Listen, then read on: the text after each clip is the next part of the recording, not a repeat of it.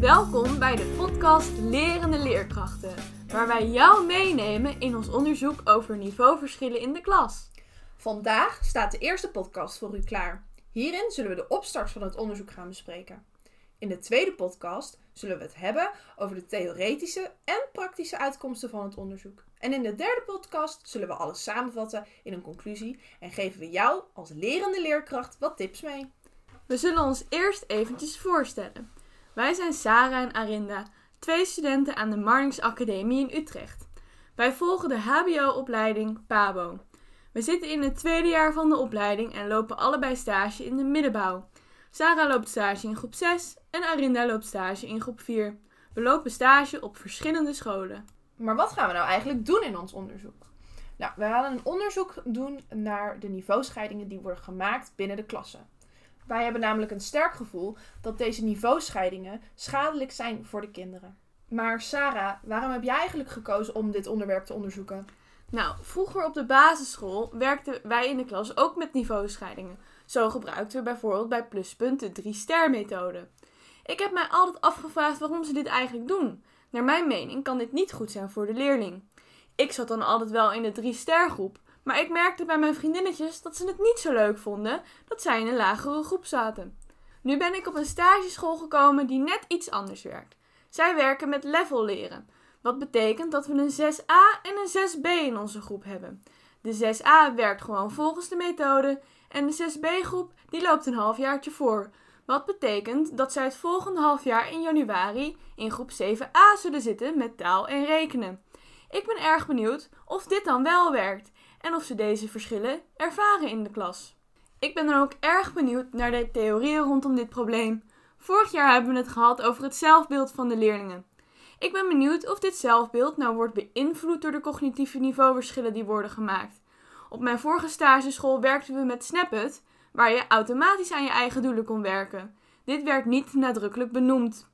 En dit jaar zie ik dat die niveauverschillen toch wel nadrukkelijk benoemd worden. Zit hier dan een verschil in? Ik ben erg benieuwd naar duidelijk afstemmen op de onderwijsbehoeften en of dat nou eigenlijk van belang is. Ik wil dit graag onderzoeken. Ik ben benieuwd hoe ik later in mijn klas het beste kan ingaan op deze cognitieve verschillen zonder een negatieve benadering te kiezen voor de leerlingen. Ik wil het namelijk zo positief mogelijk houden.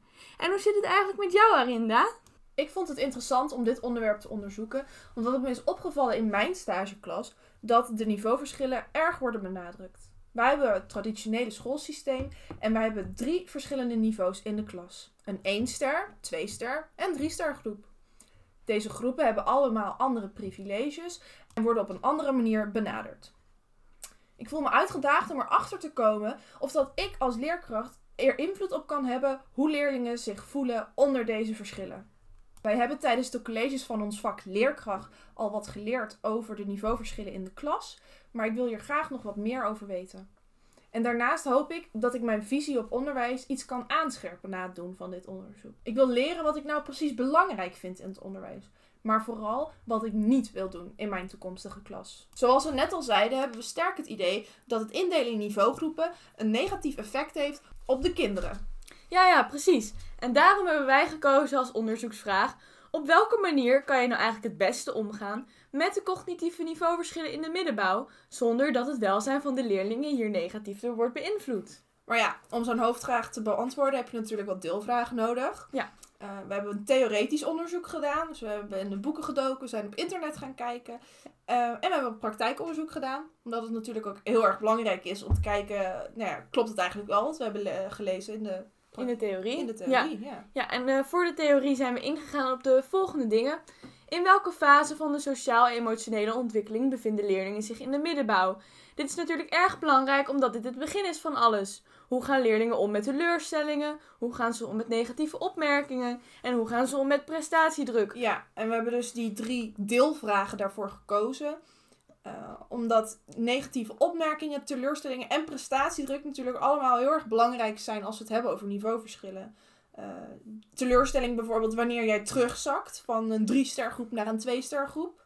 Die negatieve opmerkingen als zijnde je zit in de 1-ster groep en er wordt tegen jou gezegd continu door je leerkracht... Uh, nou, ben je nou nog niet klaar? Of nou, je bent nu alweer de langzaamste. En prestatiedruk, nou ja, die is natuurlijk altijd aanwezig. Hè? Je wilt zo graag mogelijk naar een hoger groepje, denken we. En wij vinden dat als volwassenen al moeilijk, dus moet je nagaan hoe kinderen ermee om moeten gaan. Daarna hebben we gekeken naar het zelfbeeld en welke aspecten dan het meest worden beïnvloed bij het steeds herhalen van die mogelijke niveauverschillen. En daarbij bedoelen we dus eigenlijk het herhalen dan, hè, dat de leerkracht continu zegt, nou de één-ster groep, of eh, ja, maar jij bent, jij bent een twee-ster, of jij bent een B-kind. Ja, en dat wordt eh, veel gedaan, dat hebben we ook gezien in de praktijk. Maar daar gaan we later op in. Ja, Eh, we hebben ook eh, gekeken naar welke, met- welke methodes, op welke manieren met die niveauverschillen om zijn gegaan. En of dat het eigenlijk wel nuttig is dat ze dat doen. Ja. Ehm, ik, uit praktijk bij mij bijvoorbeeld is gebleken dat het eigenlijk helemaal niet per se altijd nuttig is. Maar dat kun je in ons onderzoek lezen. Ja, we hebben ook gekeken of het mogelijk is om een samenwerking in te zetten tussen verschillende niveaus.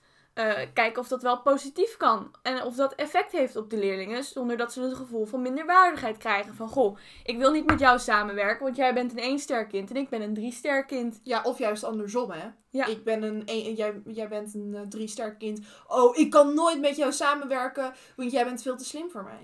Ja, en denk dan ook gelijk aan de macht die een drie-ster kind kan hebben. Iedereen moet in een samenwerking, een coöperatieve leervorm natuurlijk de gelijke inbreng krijgen. En dit kan eh, sterk veranderd worden als je met verschillende niveaugroepen werkt. Maar we gaan eerst kijken of het inderdaad positief kan worden ingezet voordat we gelijk op het negatieve aspect ingaan. Ja, we willen natuurlijk wel uiteindelijk met dit onderzoek bereiken dat we een interventie kunnen maken of wat tips kunnen geven in dit geval aan leerkrachten. En daarbij is het natuurlijk heel erg belangrijk om te focussen op het positieve. En de laatste vraag die we vanuit de theorie hebben onderzocht is: hoe worden leerlingen in de middenbouw gemotiveerd? Want het motivatieaspect is natuurlijk ook van groot belang. Het is natuurlijk ook vooral belangrijk om leerlingen die in een laag niveau zijn ingedeeld te motiveren. Deze leerlingen moeten worden uitgedaagd op hun eigen niveau. Nou, nadat we in de theorie zijn gedoken, willen we natuurlijk kijken of dat we dat ook in de praktijk terug kunnen zien. En dan heb ik op mijn stageschool gekeken in welke mate is level leren eigenlijk effectief. Want over level leren is vrij weinig te vinden op het internet, daar kwam ik achter. Maar het is wel heel erg een groot aspect van mijn school. En ik merk ook dat de leerlingen er heel erg goed mee om kunnen gaan.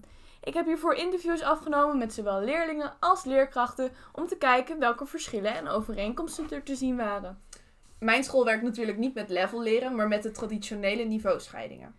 Ehm, daar heb ik onderzoek naar gedaan. Wat vinden de leerkrachten nou eigenlijk van die niveauscheidingen die worden gemaakt? Hebben ze er last van? Vinden ze het juist fijn? En wat vinden de leerlingen ervan? Dat is natuurlijk ook belangrijk. Eh, nou, ik heb hier een enquête voor ontworpen en uitgevoerd. En die heeft Sarah ook in haar klas eh, gegeven. Ja, naast, de, naast de enquêtes en interviews van het level leren. Kijken of ze daar nou eigenlijk ook verschil tussen zien. Ja, en we hebben als laatste allebei in onze stageklas gekeken naar wat onze stageklassen vinden van hun eigen kunnen en doen. Wat vinden die leerlingen nou eigenlijk? Vinden ze dat ze slim zijn? Vinden ze dat ze goed kunnen opletten? Of Vinden ze dat ze in het goede groepje zitten? Willen ze naar een hoger groepje of niet? zijn ze gemotiveerd om naar een hoger groepje Ja. te gaan? Ja. In de volgende podcast gaan we het hebben over wat de uitkomsten van die onderzoeken zijn. En dit was dan de eerste podcast voor lerende leerkrachten. Blijf leren, verdiep je in de theorie en geniet van de praktijk. Tot de volgende keer!